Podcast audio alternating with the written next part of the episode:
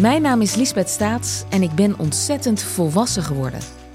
Zo volwassen dat ik zomaar op het punt sta aan de tweede helft van mijn leven te beginnen.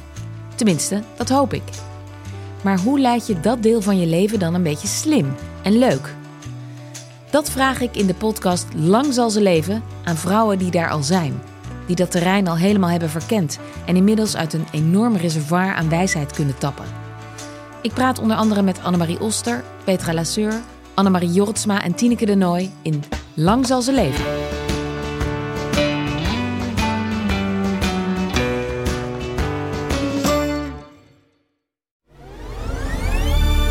Kortie Media.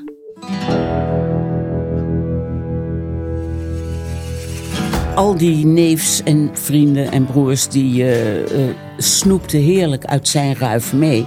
Zij verdiende geld als water. Had het zakelijk verstand van een garnaal, neem ik aan.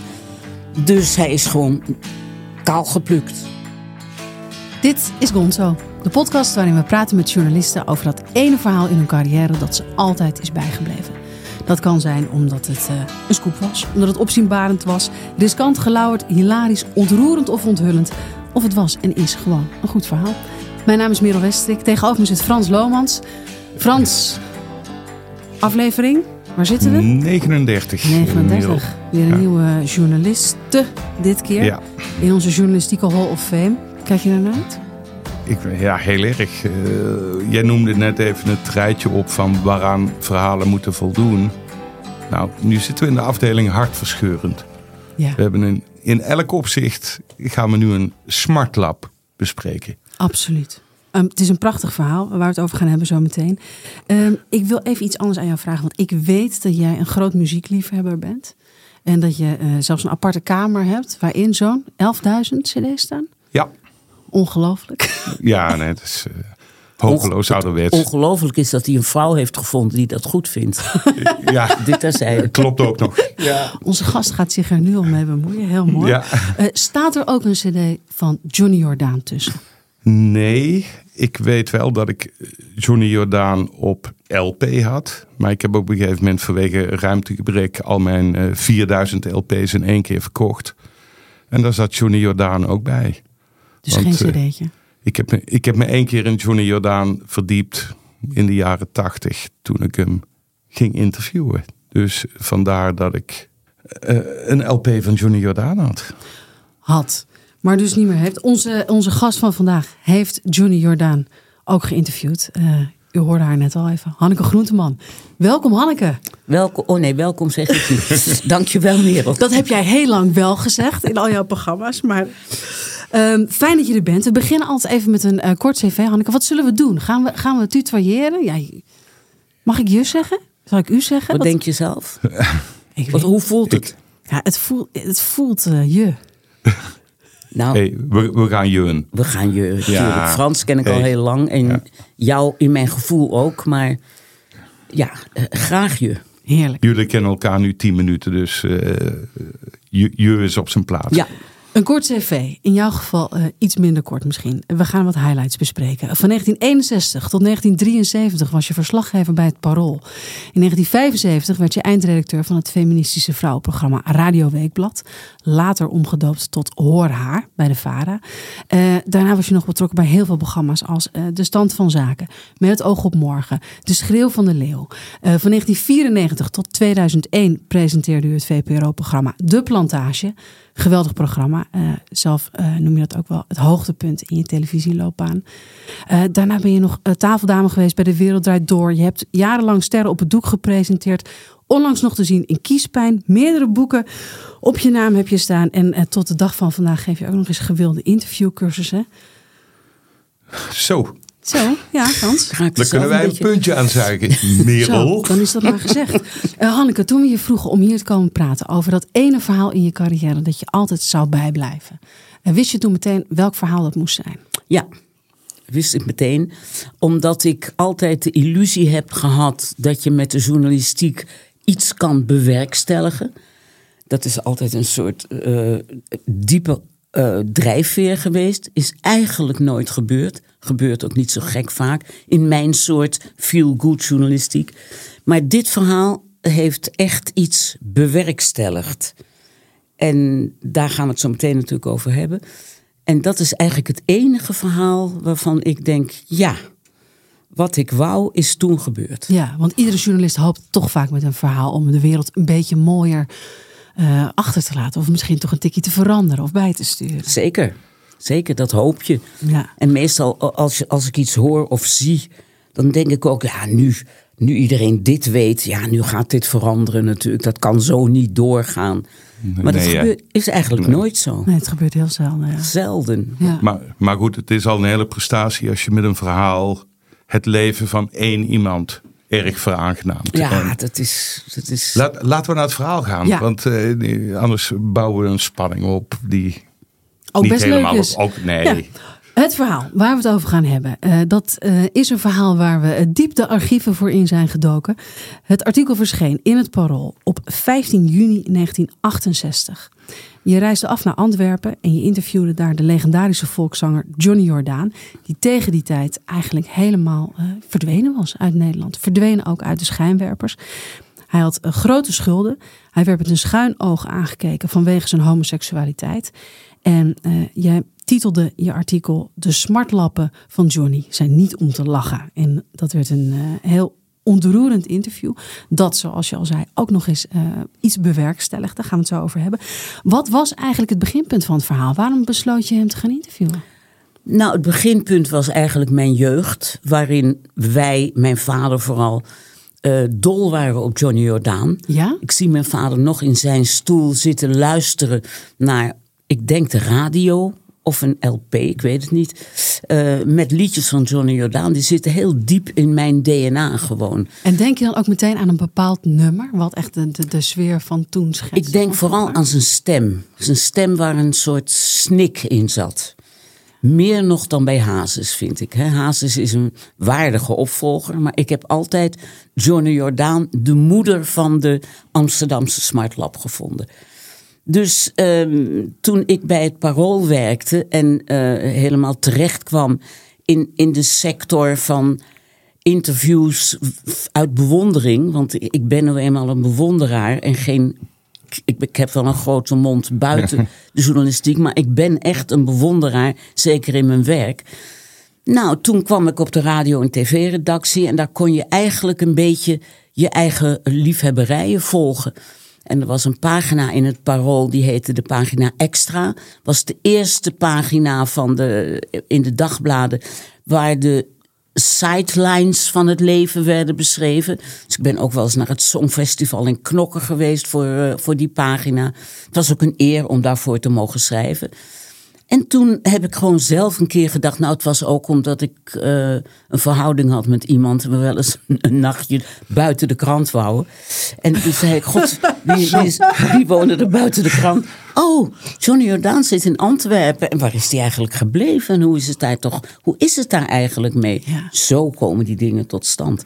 Dus ik zei: Jongens, is het geen goed idee om Johnny Jordaan eens te gaan eh, opzoeken? En kijken hoe het met hem is. Want toen was hij al een aantal jaren weg uit Nederland. Hè? uit de schijnwerpers. Ja, hij was door schulden.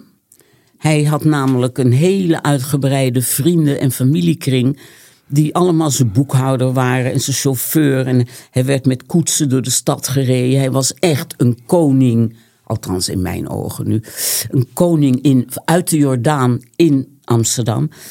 Maar al die neefs en, eh, neefs en vrienden en broers die eh, eh, snoepten heerlijk uit zijn ruif mee. Zij verdiende geld als water. Had het zakelijk verstand van een garnaal, neem ik aan. Dus hij is gewoon kaal geplukt. Ja. En op een gegeven moment ging hij dan failliet. En kon hij eigenlijk niks anders doen dan uitwijken naar België. Waar hij een armetierig bestaan is gaan leiden. Terwijl hij best iemand was in België. Hè? Ik bedoel, Ja, niet zo groot als dat hij zelf dacht. Want volgens mij dacht hij dat hij groter was dan de koning van België. Dat klopte niet helemaal. Maar Nee, maar hij had ook het verstand van een garnaal. Dus. hij- het was een simpele man. Hè? Het was een simpele man. Heel, Met een heel, heel, zachtjes uitgedrukt. heel groot hart en een Ja. heel klein verstand, volgens mij. Ja. Zullen we even naar hem luisteren? Want voor iedereen die nu, Ja. voor jonge luisteraars ook die misschien denken, ja, Dat we het hele Johnny uur verder naar Johnny Jordaan luisteren. ja. In Amsterdam heb ik mijn hart verloren. als oude toffe jongen, zo recht uit de Jordaan. Daar ben ik in een keldertje geboren. Ik ga er helemaal even beslist niet meer vandaan. Bij ons in de Jordaan zing je van hola, hola. Ja, dit is het, eh, het feestrepertoire. Had natuurlijk ook echt smartlappen. Maar je hoort hoe Amsterdam, Amsterdamse dan André Hazes eigenlijk. Hoe Amsterdams die klonk met, die, met dat lekkere vette accent. En die operetteachtige stem. Hij had gewoon een echt een mooie stem. Hij zong ook heel veel met zijn neef Willy Alberti. Ja. Prachtige eh, plaat heb ik daarvan. Droomland hebben zij samen gezongen. Zo mooi. Dus het, het, het was ook echt wel iemand die, wat mij betreft, zo rechtstreeks je, je hart in Want onder, onder muziekliefhebbers eh, was het heel erg, eh hoorde het dat je Johnny Jordaan heel goed vond. En Willy Alberti ja, was toch een beetje iemand die te veel concessies deed naar, eh, Ja. naar, naar het chique publiek. En dat, dat, nee, hij, hij was een grootheid. Ja. En was het ook, eh, Hanneke, want je zei jullie luisterden dat vroeger. Als je terugdenkt aan vroeger was dat muziek die bij jullie thuis geluisterd werd. Was het muziek die overal in alle gezinnen in Amsterdam geluisterd Nou, eh, daar kan werd? ik echt niet over oordelen. Ik denk, dat, ik denk altijd dat alle gezinnen precies zo waren als wij. Namelijk een sociaal-democratisch naoorlogs Joods gezin. Maar of dat overal zo was, dat weet ik echt niet. Ik begrijp- Maar hij was immens populair. Ja, echt. want ik begreep dat zijn muziek op, op, op sommige omroepen niet zo. eh dat hij zal alweer de. VARA geweest zijn. Ja. Dat zijn altijd van die, van die eh principienruiters op niks af. Dan, dan zal het daar wel niet gedraaid mogen worden. Ze, dat- ze vonden het te ordinair. Hè? oh ja, nee, Dat, was volgens mij de reden dat de VARA, Ja, ja. eh, die, die er was om eh, de arbeider in adelstand te verheffen. Precies. Eh, eh, En het- dat paste niet, niet bij. Het geweldige is dat ik zit nu om de week altijd bij Ajax, bij de thuiswedstrijden. En dat draaien ze ook nog altijd een nummer van Johnny Jordaan. En dan krijg ik helemaal ademnood. Als ik in die arena, ze draaien ook bloed, zweet en tranen, van Hazes natuurlijk. Maar ze draaien ook altijd een liedje, ik weet niet precies meer welk het is. Maar één liedje van Johnny Jordaan. En dan zingt toch iedereen dat mee. Dat is altijd het hoogtepunt van de wedstrijden van Ajax. Hè? Ja, Hè, is zeker. ve- veel beter dan de wedstrijd zelf. Hè?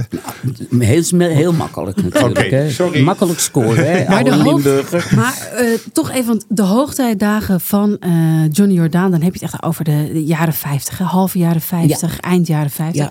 Eh, het artikel dat je schrijft is 15 juni 1968. Hij zit dan dus in Antwerpen en Ja. hij is dan al, nou, iets van, hij is al zeven jaar weg, volgens mij, uit Nederland. Jij gaat naar Antwerpen. Ja.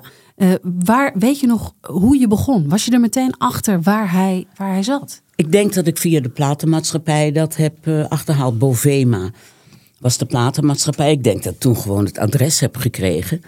En hij zat in iets vlak bij de, bij de Groenplaats, in een straat. En wij kwamen daar binnen in een soort melksalon, kan niet anders zeggen.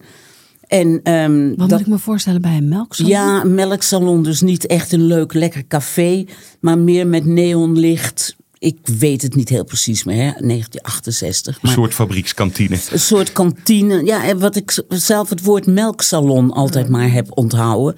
Dat je daar wel een boterham eet en een glas melk drinkt, maar toch niet lekker gaat stappen, weet je wel. Nou, en eh, helemaal leeg. Een Johnny was daar en er stond een Marokkaanse beeldschone jongen te hangen achter iets, achter een soort toonbank. En dat was zijn personeelslid dan, of een ander lid, ik weet niet meer. Dat was in ieder geval zijn vriendje daar. En eh, hij woonde daarboven. Dus hij eh, was heel vereerd en vond het heel leuk dat, dat we er waren, de fotograaf en ik. En eh, we zijn toen naar boven gegaan bij hem in zijn eh, woning. En Was die fotograaf degene met wie je wel even buiten de stad wilde zijn? Ook? ja, die is dood, dus dat kan ik wel zeggen. Ja, oké. Dus jullie- zo hebben we dat mysterie Ja. ook Dus opgelost. iedereen over wie ik het heb is dood, dus dat is makkelijk. Ja. Dus met z'n tweeën naar Antwerpen. En Ja. hoe was het voor je? Want het was toch ook een jeugdheld die je ging ontmoeten. Ja. Daar heb je dan toch ook verwachtingen bij. Ja, nou, ik was meteen ontroerd toen ik hem zag. Hij had ook een heel ontroerend uiterlijk. Hij eh, had maar één ziend oog en één glazen oog. Dat vond ik ook altijd zo schattig. En eh, zwaar suikerziek. En dat ene oog was, was hij verloren. Ik geloof in een vechtpartij met. Ik dacht Willy Alberti, maar het kan ook een ander jongetje geweest zijn. die zijn oog eruit gestoken had. in een vechtpartijtje toen hij klein was. Dus hij had zo'n starend glazen oog en één oog wat bewoog. En ja, ik vond een ontroerend. Eigenlijk vond ik hem net zo ontroerend als wanneer ik naar hem luisterde. Ja. Zo goeig. Je schrijft eh, in, het, eh, in het interview schrijf je op wat er gebeurt eh, als je hem ziet. Je, Oh. schrijft, je beschrijft het moment Help dat je me hem herinneren. voor het eerst ziet. Dan schrijf je dit. Hij moet het zijn, de man die het trapje afkomt. En na een flits van schrik zien we het. Natuurlijk, ouder geworden, mager geworden. Hij is het toch. En toen werd het verhaal al een beetje minder lollig. Hij is 44 jaar. De wat opgeblazen corpulente man van vroeger is ingevallen. Een vormeloos figuur. Een opzichtig blauw truitje met witte streepjes. Kleurige donkere pantalon. Duidelijk de helft van een kostuum. Het gezicht is vriendelijk, zonder vrolijkheid. Het glazen oog achter de lichtbruine brillenglazen bijna even levenloos als het levende. Ingevallen mond, magere wangen, het glimmend zwarte krulhaar van vroeger nu asblond. Ik vind het goed geschreven. zeg. Ja, ik heb het nooit meer gelezen. Ik vind het ook heel goed geschreven. Maar, nu maar, herinner ik me, ja. maar die eerste aanblik is dus eigenlijk ook een beetje een deceptie ergens. Of je nou, deceptie is eigenlijk niet. Het is meer dat je meteen vervuld wordt van medelijden. Dat je denkt, is dit de man die in een koets door Amsterdam werd gereden? Ja. Met tante Leen of weet ik veel wat. En die werd toegejuicht. En is dit hem? Maar dat is niet een deceptie, vind ik, dat hij teleurstelt. Maar Ja. dat is het niet. Nee, want het was, eh, schrijf je ergens in de inleiding bij, bij dit verhaal. Het was bedoeld als een lollig verhaal. Misschien Ja, wel wat je ging maken. En ja. je, je ziet hem in deze beschrijving en de lol is eraf. Meteen, ja. Meteen denk je, we, we hadden het als een lolletje bedoeld om Ja. erheen te gaan. Leuk, Johnny Jordaan. En opeens zie je gewoon dat er een klein drama voor je staat. Ja.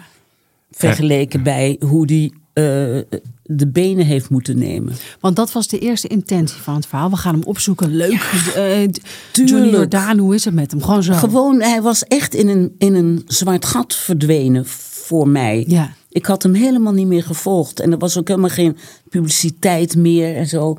Dus ik ging er echt heen van... hey, bij ons in de Jordaan en een Piketanen zie je een leuk. Even Johnny Jordaan. Echt een beetje een aanleiding om een leuk eh, uitje te hebben. En toen zag je dit. Ja.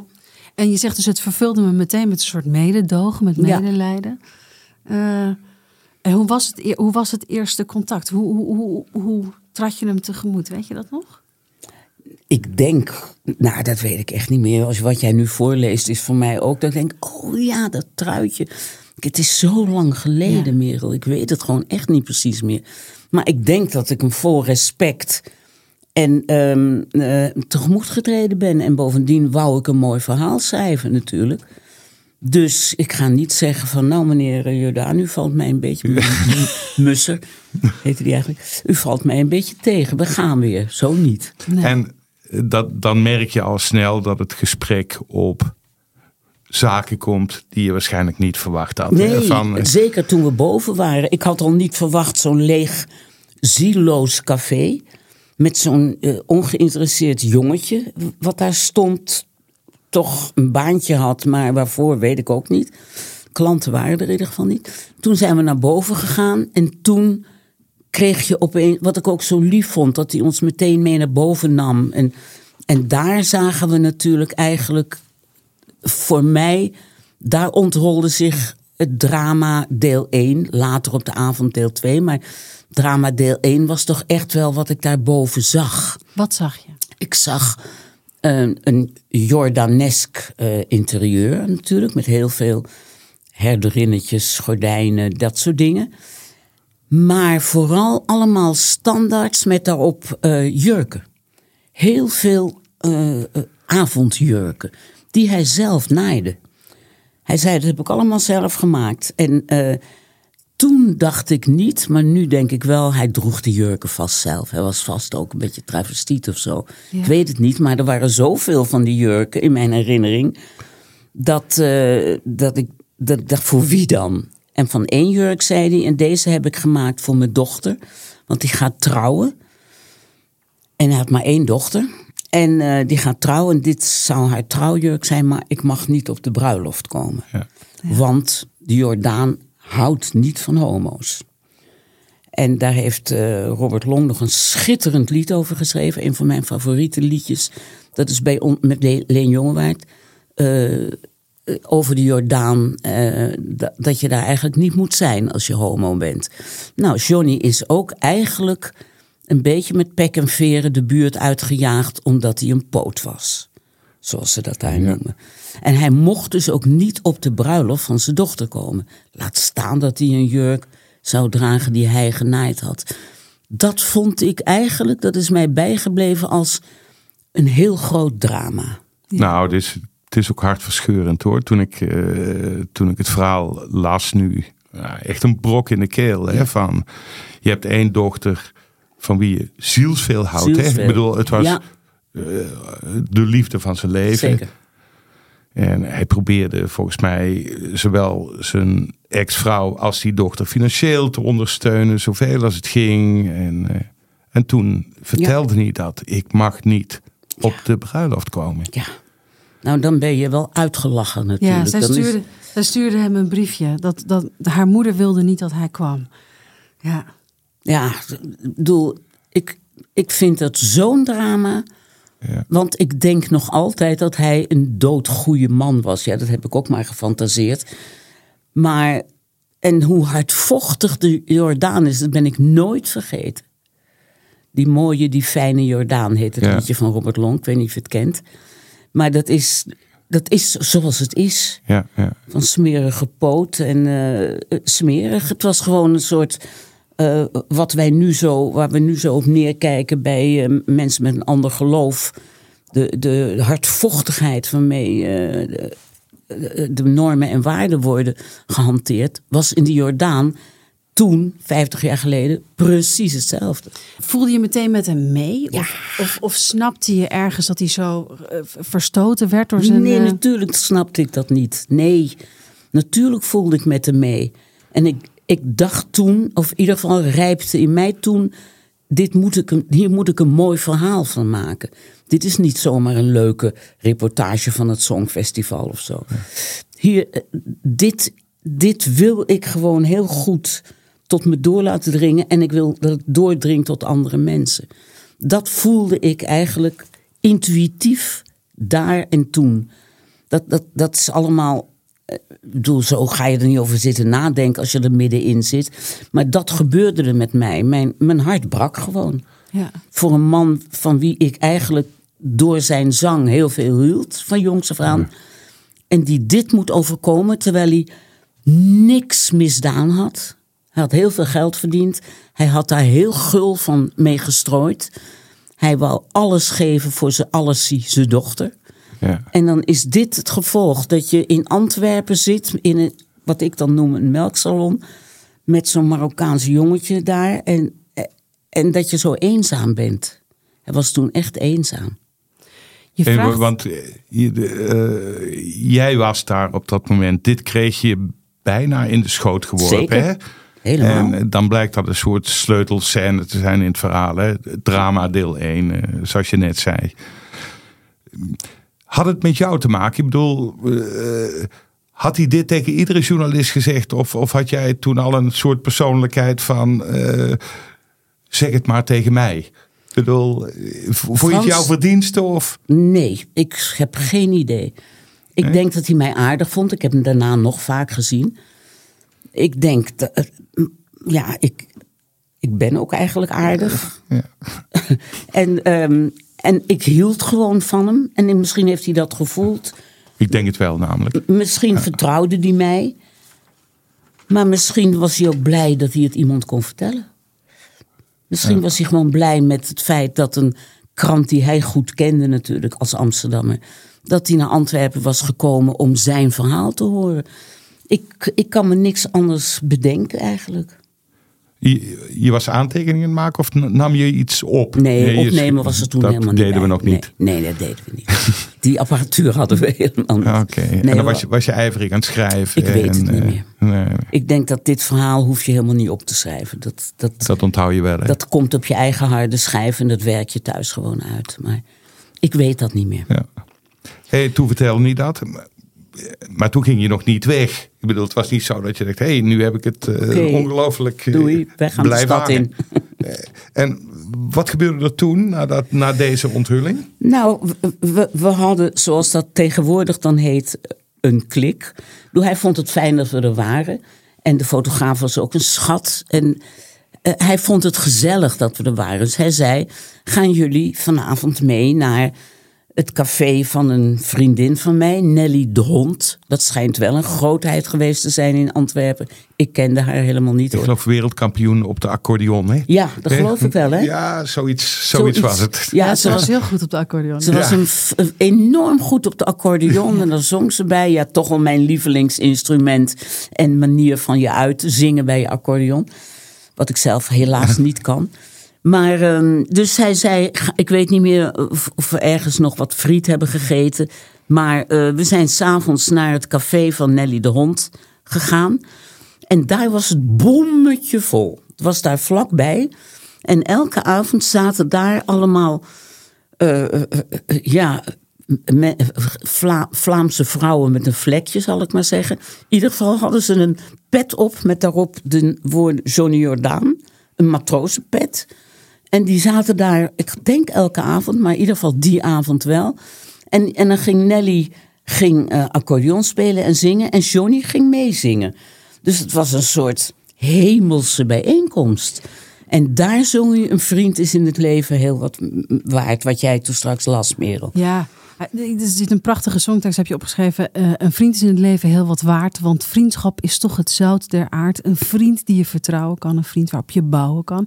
En als je hem gevonden hebt, als vriend aan je gebonden hebt, dan ken je pas levensvreugd. Maar hij moest het niet meer echt hebben van zijn oude vrienden uit Nee. Amsterdam. Hij was echt van, Eh, God Eigenlijk had hij daar helemaal volgens mij geen vrienden. Nee. Behalve dan die vrouwen met die matrozenpetten, wat ik toch dwazen vond. Om, om zomaar met een pet Johnny Jordaan door Antwerpen te lopen. Ik vind het raar. Maar goed. En die Nelly Het is de ook Hond. wel raar hoor. Het is toch wel raar, hè? En die Nelly de Hond was gewoon, ja, daar heb ik verder geen contact mee gehad, maar die speelde verrukkelijk in haar café. Het was vol. En toen ging Johnny naar voren en die zong. En ik keek hem aan en de tranen liepen over mijn wangen. Echt waar. Met die tekst, een vriend of wie, van wie. En dan had je net dat verhaal gehoord. Was je toch al helemaal mellow geworden van medeleven. Ja, want, want even Maar nog Hanneke, terug naar ja. die vrienden. Hè? Ja. Eh, daar heb je het ook eh, met hem over. Hè? Van, eh, op een gegeven moment gaat het over zijn neef Willy Alberti. Ja. Die een tv-show Ja. had. Ja. Zaterdagavondshow, ja. Daar waren best veel gasten. Maar Johnny Jordaan Nee. was nooit de gast. Dat Nee. leg je aan hem voor. Ja. Ja, je vraagt letterlijk, eh, bent u nooit jaloers op uw neef, eh, Ja. Willy Alberti? En wat zegt hij dan? Ja, Ja, ik heb dat- stuk helemaal nooit meer gelezen. Nee, heb je het nooit meer gelezen, Hanneke? Nee, Nee. nee. hij zegt, eh, ja, eh, nee, nooit. Hij zegt, ja, eh, ben je nooit jaloers? Nee, nooit. En dan zegt hij, ja, we zijn heel goed met elkaar. We groeten als we elkaar zien. Ik vind hem en zijn dochter prachtartiesten, harde werkers. En eh, uiteindelijk zegt hij dan ook... Nee, in zijn tv-show heb ik nooit gestaan. Zeker zou ik dat gewild hebben. Maar ik vraag het nooit, nooit, nooit, nooit. Al zou ik langs de straat moeten zingen van de honger... Ik kan het niet. Het is mijn karakter niet. Nooit geweest, nee. Nou ja, hij is toch, krijg weer tranen in mijn ogen. Ja, er zitten schitterend ontroerende stukken in van eigenlijk de eenzaamheid van deze man en hoe die niet omarmd wordt door. Nee, maar dat heeft ook te maken met dat hij zo'n paradijsvogel of buitenbeentje in die familie was. Want het, is, het zijn natuurlijk echte, echte bijna burgerlijke Jordanezen allemaal. En was het zo'n doodzonde, want hij is weggegaan bij zijn vrouw omdat hij niet meer met een vrouw kon samenleven. Nee. Was dat zo'n doodzonde in die tijd? Je hebt Nou, het- in, mijn ogen niet, maar in die. En in mijn omgeving zelf helemaal niet. Ik leefde helemaal niet in zo'n milieu. Maar nogmaals, ik denk dat de Jordaan ongelofelijke, bijna orthodoxe normen en waarden had. Van een poot, daar ben je niet. En je trap hou je schoon. En is toch niet nodig, schat. En eh, ik hou ook niet van Jordanezen om die reden. Ik vind ze heel normatief. En nu eh, eh, sterft dat natuurlijk wel een beetje uit en wordt men wat moderner. Maar toen vond ik het een heel hardvochtig milieu. En eigenlijk door dit verhaal zijn mij helemaal de ogen geopend. Ik heb nooit van ze gehouden. Ik heb ze altijd hard en streng en... nou, even niet nodig, schat. Weet je wel, doe je toch niet? Doe normaal. Maar je, Dat- ja. Ja, ja, ja.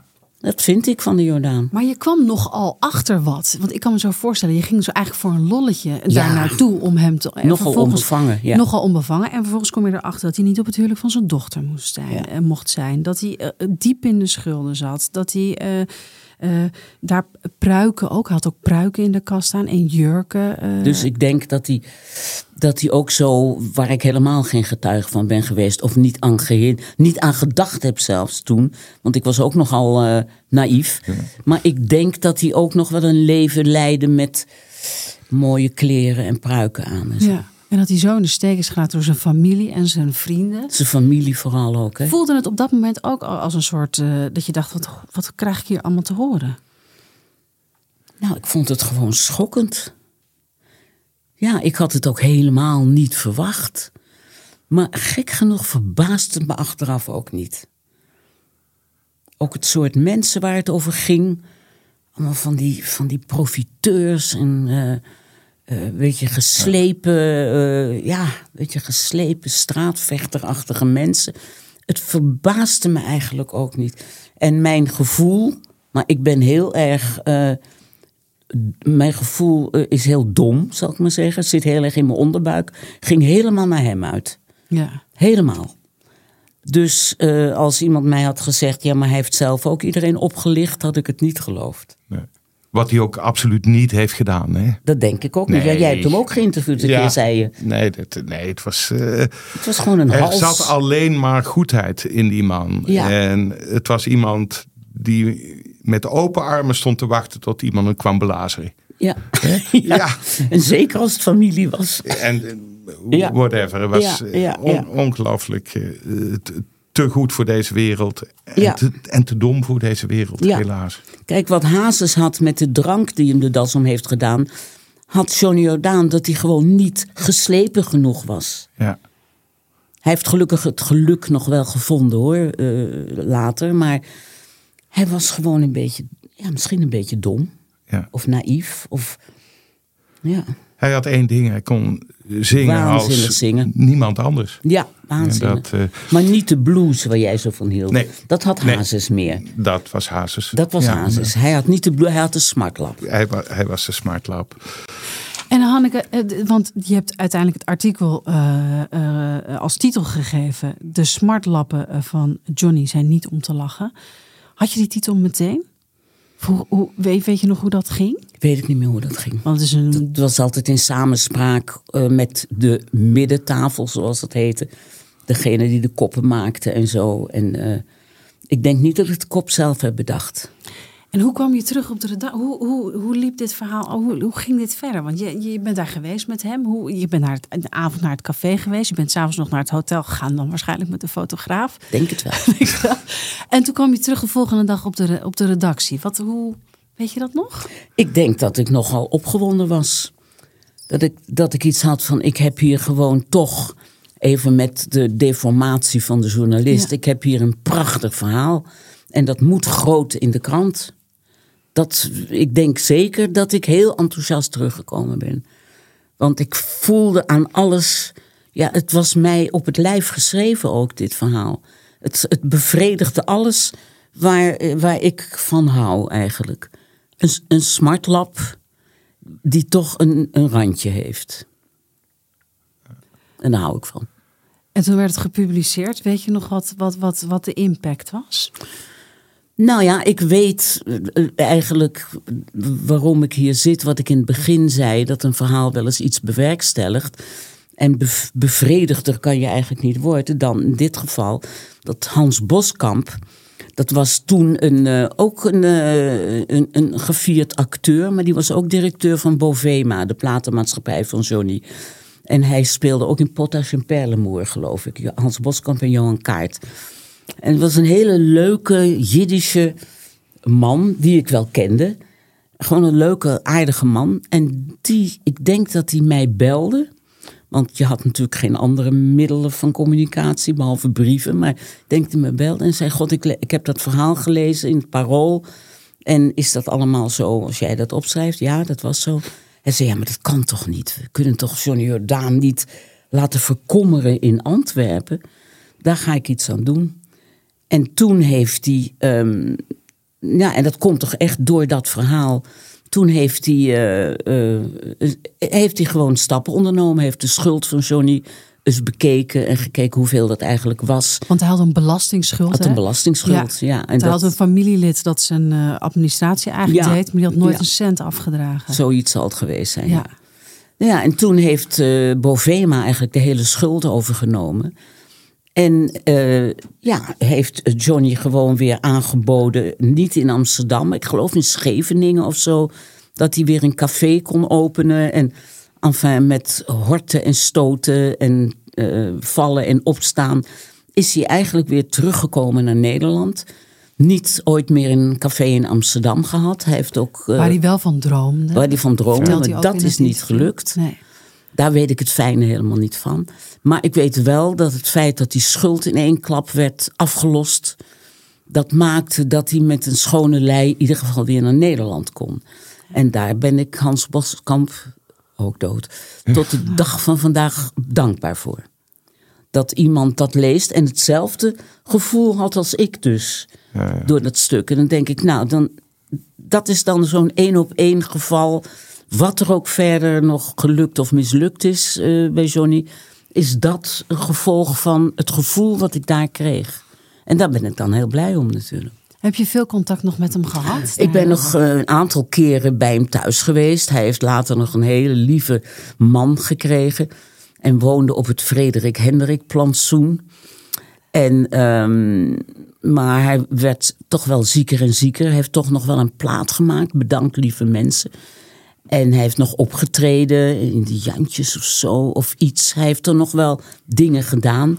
Maar die suikerziekte eh, brak hem ook wel op. En eh, hij is nooit meer echt gezond geweest.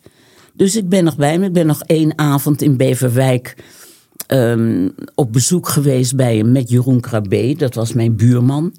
En hij adoreerde Jeroen werkelijk. Dat had hij mij al verteld. Ja, dat was natuurlijk zo'n prachtige man. Dus ik zei, nou, ik kan wel proberen. Dus zijn Jeroen en zijn vrouw Herma en ik met z'n drieën naar Beverwijk gegaan. Toen had hij ook een buurvrouw ingeschakeld om de hele avond hapjes. Gehakt balletjes. Eerst begonnen met gebak, waren om acht uur. Eerst gebak, toen vlak daarop heel veel gehaktballetjes. En toen ging hij op een gegeven moment ook een plaat opzetten. En toen ging hij mee fluiten. Hij kon heel goed fluiten. Dus zo, zo jodelend fluiten. Dus toen zaten Jeroen, Herma en ik daar in dat kamertje in Beverwijk. En toen zette Johnny een plaat van zichzelf op. En we waren helemaal vol met soezen en eh, gehaktballetjes. En toen ging hij ook nog meefluiten met zijn eigen liedjes. Ja, dat zijn Hoe van- mooi wil je het leven hebben? dat zijn geluksmomenten. Daar geef ik de hele journalistiek voor op. Om dat mee te mogen maken. Ja. En ik heb hem ook nog, hij heeft nog, ik heb nog een foto van hem eh, met eh, Gijs in zijn armen, mijn zoon. Ach, En dan zegt iedereen, wie is die oude vrouw? Ja, dat is Johnny Jordaan. en zo, ik heb gewoon contact met hem gehouden. En Gijs die was ook helemaal geïnfecteerd door eh, het virus Johnny Jordaan. Door mij natuurlijk. Dat is intergenerationeel heet dat geloof ik. En die moest toen voor zijn, ehm, ik denk lagere school, eh, de laatste klas, moest hij een interview maken met iemand. En toen wou hij Johnny Jordaan interviewen. En toen is hij, en ik was er al eerder heen gegaan. En toen eh, is Gijs met zijn bandrecordertje, is hij met de fiets naar dat adres gegaan, maar hij kon het niet vinden. En toen heeft hij het ook nooit gevonden. En de dag daarna is Johnny Jordaan doodgegaan. ach nee. Ja, dus toen heeft Gijs Johnny Jordaan alleen opgebaard gezien. We zijn nog wel naar de rouwkamer gegaan. Dus hij speelt wel een rol in mijn leven. En was Johnny Jordaan je dankbaar, eh Hanneke? Heeft hij daar eh, toen... En hij heeft wel gezegd dat hij ontzettend. Ja, was een, een dankbaar. Ja, hij heeft wel gezegd dat hij. eh, dat het door dat stuk van mij is gekomen dat zijn leven weer eh, een wending had genomen. Ja, want hij heeft best dus daardoor een carrière nog gekregen. Ja, hè? Ik bedoel, het was niet eh, dat hij als een derde rangs artiest werd Nee, nee, behandeld. nee, dat, nee. dat deel 2 van zijn carrière eh, had glans. Ja, had glans, hè? Ja. Het is jammer dat zijn gezondheid hem toen echt in de steek Ja. liet. Dat hij op het podium, geloof ik, ook eens is neergevallen. En had ernstig diabetes. En de... Maar hij heeft, wat ik zeg nog, een, die plaat Bedankt lieve mensen. Die is heel mooi, maar die is nog gemaakt na zijn terugkeer. Ja. Dus hij heeft gewoon nog wel, zo goed als zo kwaad als het ging, eh, zijn carrière kunnen afmaken. Een, een van de dingen die me ook heel erg opviel in dit verhaal was door Jan en allemaal in de steek gelaten, uitgekotst door mensen. En op niemand boos, hè? Echt Nee. op niemand boos. nee.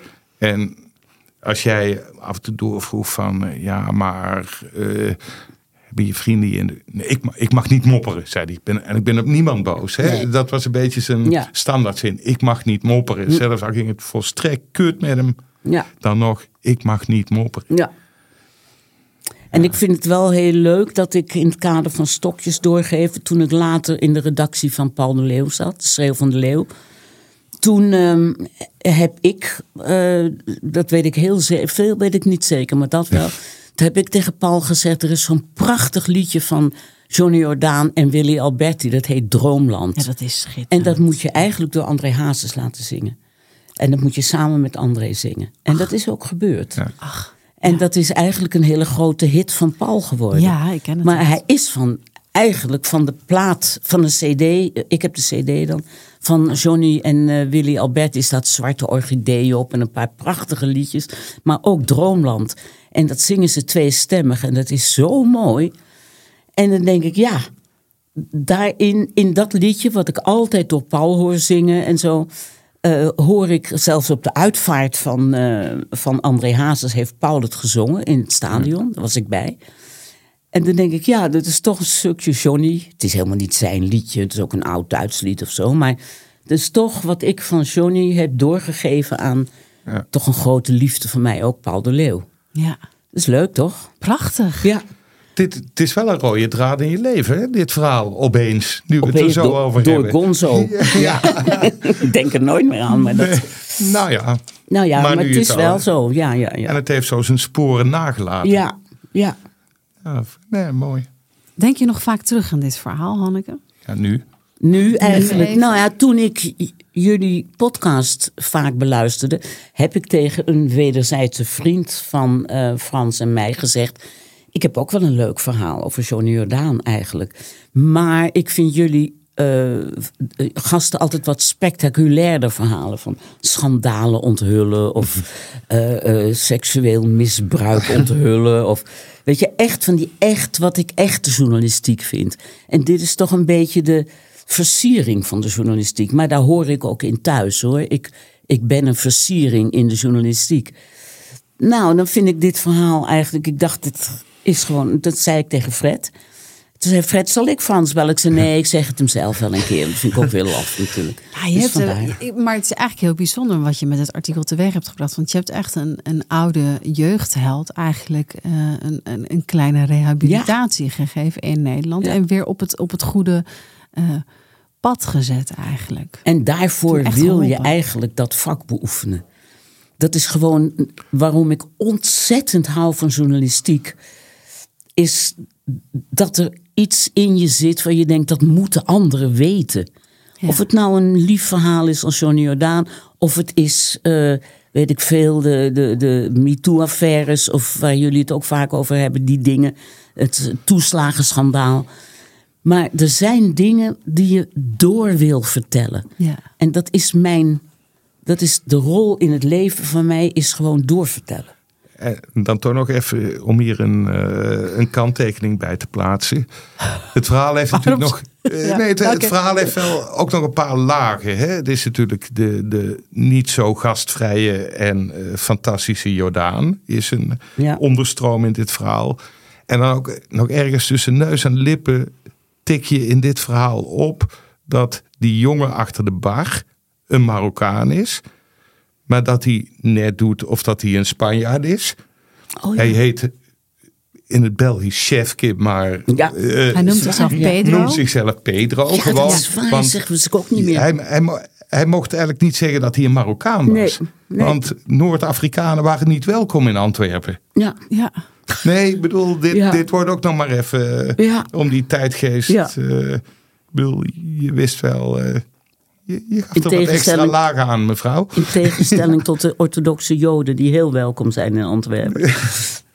Ja, er zit heel veel in het verhaal. Er zitten heel veel verschillende lagen Maar in. het is altijd als je met iemand te maken krijgt, er zitten altijd veel lagen aan mensen. Iedereen heeft geschiedenissen en verhalen. Ja, dat is het mooie van ons Als, vak. als je de tijd Hield je- neemt, als je de moeite Ja. neemt om naar Antwerpen te gaan, als je Ja. de moeite neemt om daar een hele dag rond te hangen en ook nog mee te gaan naar het café van eh, de wereldkampioenen accordeon spelen. Kijk, dan komen er dus dingen. Ja, Ja? ja. Ik bedoel, je had het geduld. Hè? Dus, Zeker. nee, ja, want hield je daarvan, Hanneke? Echt dat, dat iemand opzoeken, naar binnen gaan, daar binnen kijken. Dat is toch misschien ook wel ja, het allerlekkerste Ja. wat er is? ja. Het is ook veel fijner dan de kunstjes die radio en televisie heten. Of podcast. Dat vind ik, in de journalistiek vind ik het schrijven en het geduldig proberen dingen los te krijgen en te portretteren, vind ik toch de moeder van alle kunsten. Van alle journalistieke kunsten. Ik heb nu net weer een verhaal geschreven voor de Varengids, voor kerstnummer. Hoeveel meer moeite dat kost, hoeveel meer inspanning dan een interview van een uur voor een podcast of een televisie-interview. Dat, dat zijn leuke kunstjes. Maar het echt onder woorden proberen te brengen en dan die lagen daarin aan te brengen en het zo kneden en boetseren dat het een mooi verhaal wordt. Wat zoveel jaar na dato nog kennelijk eh, ontroert. Dat lukt je met een televisie-interview bijna niet. En hoe kijk je daar tegenaan? Want dit, dit artikel ha- had, vind ik, de prachtige titel. De smartlappen van Johnny zijn niet om te lachen. Wat, wat een schitterende titel is. Tegenwoordig, als je eh, zo'n portret zou schetsen van een artiest die uit de gratie is geraakt, die je weer opzoekt. En je ziet daar bijvoorbeeld pruiken in een huis en jurken. En je ziet daar de teloorgang eigenlijk. En zo'n café. Dan zou daar een hele andere. Eh, toch denk ik sensationele eh, kop op eh, zijn. Hoe, hoe, zie jij, hoe, hoe zie jij die ontwikkeling? Ik weet het niet. Toch Ik wel leuk om van jou voor te leggen. Ja, ik lees met heel veel ontroering, heel vaak in de Volkskrant, een, ehm, de rubriek van Joris van Kasteren over mensen die eenzaam gestorven zijn, eenzame, Eenzame uitvaart. Ja, prachtig. Ja, dat zijn ook verhalen die met heel veel geduld en heel veel precisie en heel subtiel zijn opgeschreven. Dat zijn verhalen naar mijn hart en die zijn er nog altijd. Maar dat is echt zo'n rubriek waar ik meteen naar grijp als, de krant, als die in de krant staat. Ja. Dus dan denk ik, ja, dat zijn ook van die verhalen waarbij je je fantasie en je, je gevoel op volle toeren gaan draaien als je die leest. Terwijl het hele gewone verhalen zijn over mensen die buiten de boot zijn gevallen. Ja, prachtig. Dus dat kan nog altijd. Oké. Ja. ja. Ja, ah, Hanneke, toch nog één vraag. Laatste vraag nog even. Ja, ik wil, Ja, nog, ik wil nog één. omdat ik- jij het bent. Nou ja, zou je, zou je, je, je hebt het niet teruggelezen, of wel? Het artikel. Nou, ik had het gescand van een, van een dingetje wat ik in een album had. Omdat ik het Frans wou laten lezen. Maar ik heb het eigenlijk niet gelezen. Nee, wat jij nu allemaal zegt, heb ik eigenlijk niet. Ik heb niet zo'n goede. Jij hebt het echt uit de krant zelf. Ik had een foto van een artikeltje. Nou, Ja, het, het was moeilijk Het is leesbaar. moeilijk leesbaar. Ja, het was moeilijk het leesbaar. Letterlijk moeilijk ja, leesbaar. letterlijk. Ja. Je, je zei eh, in het voorgesprek tegen, tegen onze redactrice Maartje van dat je het, sommige dingen toch anders zou hebben gedaan. Je vond het een beetje simpel geschreven. Bullshit. Dat is het helemaal niet. Eh, maar ook dat je misschien die travestiekant iets nadrukkelijker had gedaan. Daar zou je over gedacht hebben. Ik, eerlijk gezegd heb ik er toen gewoon niet aan gedacht. Hoe ik dat nu zou doen. Misschien zou ik hem gevraagd hebben: draag je die jurken zelf ook wel eens? Misschien Ja. zou ik dat gevraagd hebben. Maar het is niet in mijn hoofd opgekomen. Heel naïef. Maar ik vond. Ik, toen was ook de tijd dat een tante van mij, van mij zei van... maar die is toch van de verkeerde kant over een leraar. Toen zei ik, nee hoor, hij is ten Partij van de Arbeid. Ja, ja. Dus ik was toch niet heel erg bij de tijd toen. Zo, Terwijl je toen toch al nee, 8 of 29 was. Ja, wat de- van die Partij van de Arbeid was wel toen ik op de middelbare Nee, school dat, zat. nee Maar maar omdat je nu het ook speelde- zegt. Het speelde eigenlijk, eh, eh, het was helemaal niet een second thought van mij. Nee. Dat zou het nu misschien wel zijn, maar misschien. Ook ik, ben wel ook, niet. ik ben ook nogal dom. Goeig, maar dom. Ja, maar ik begrijp het wel. Ook omdat hij zei dat hij ze eigenlijk voor, voor, voor anderen maakte. Dus ja, dan denk je dat toch. Ja, dan geloof je dat ook wel. Nee, dat, ik, nee, maar ik vind, ik vind dat ook de kracht van het verhaal. Ik bedoel, misschien moest je wel soort van naïef zijn om het verhaal zo te kunnen schrijven. Misschien wel. En eh, naïviteit lijkt mij eh, een goede eigenschap die meer mensen zouden mogen hebben. Zo, eh, ja, vind ik mooi. Behalve als ze naar de stembus gaan. Hanneke. Ja. Je eindigt het artikel met: Ik heb vaak om smartlappen gelachen, maar gek, die van Johnny waren niet leuk, niet om te lachen.